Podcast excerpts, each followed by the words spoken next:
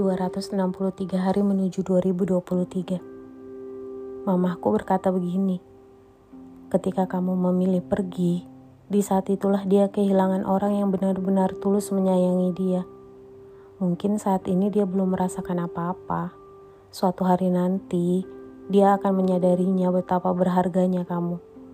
Melupakan seseorang itu butuh waktu yang lama, maka belajarlah melepaskan maka hati dan pikiranmu akan jauh lebih baik. Luka akan ada sembuhnya, asal jangan ditambah luka baru. Biarkan luka itu sembuh dahulu, sayangi dirimu, karena setiap manusia berhak bahagia, dan setiap manusia pasti memiliki masalah.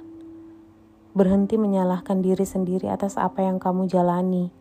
Belajar menerima kenyataan, kamu berharga bagi orang yang benar-benar menerima kamu.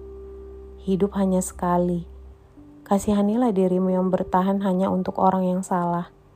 Jangan pernah membuktikan apa pun kepada orang lain atas dirimu. Buktikan pada dirimu sendiri, karena dirimu sendirilah yang akan menolong kamu.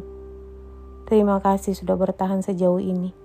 Lepaskan dia yang menghancurkanmu. Lepaskan dia yang tidak menghargaimu.